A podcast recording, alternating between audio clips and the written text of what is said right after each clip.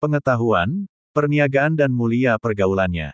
Beliau bertugas mengajak orang yang dipercayai yang sentiasa berhubungan dengannya, mereka itu seperti Uthman bin Affan al-Umawi, Al-Zubair bin al-Awam al-Usdi, Abdul Rahman bin Auf al-Zuhri, Sa'd ibn Abi Wakas al-Zuhri dan Talhah bin Abdullah al-Taimi. Mereka ini seramai 8 orang adalah generasi peneroka dan terawal menganut Islam. Di antara yang terawal juga ialah, Bilal bin Rabah al-Habsyi, kemudian disusuli pula oleh Amin. Al-Ummah orang kepercayaan umat yaitu Abu Ubaidah, Amir bin Al-Jarrah dari Bani Al-Harith bin Fir, Abu Salamah bin Abdul Al-Asad Al-Mahzumi, Al-Arkam bin Abu Al-Arkam Al-Mahusmi.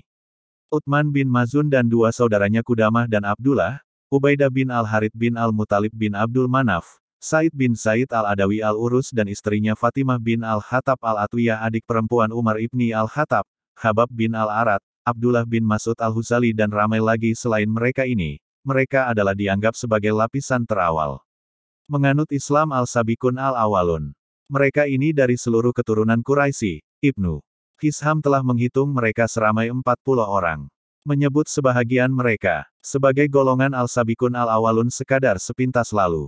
Ibn Ishaq telah menyebut, kemudian maka masuklah bilangan yang ramai ke dalam Islam bertali arus tidak putus-putus. Menyebabkan keriuhan di kota Makkah dan diperkatakan orang. Namun kesemua mereka ini memeluk Islam secara rahasia, Rasulullah terus membuat pertemuan dengan mereka member Pertunjuk kepada mereka mengenai hal agama secara bersembunyi, kerana dakwah masih lagi dalam bentuk individu dan rahasia. Wahyu turun tanpa putus-putus lagi, yaitu selepas terturunnya awalan surah Al-Mudasir, bahagian-bahagian surah. Yang turun di masa-masa ini merupakan ayat-ayat yang pendek-pendek, struktur ayatnya indah. Dan kemas, rentak-rentaknya adalah lembut, seni susunannya sesuai dengan tuntutan suasana. Yang damai, bertemakan pembersihan jiwa dan mengecam kerja-kerja pencemaran diri dengan noda-noda dunia, menggambarkan keindahan surga dan keburukan neraka bagaikan tertera di hadapan mata kepala, membimbing manusia mukmin dalam satu suasana yang berbeza dari suasana masyarakat manusia di ketika itu.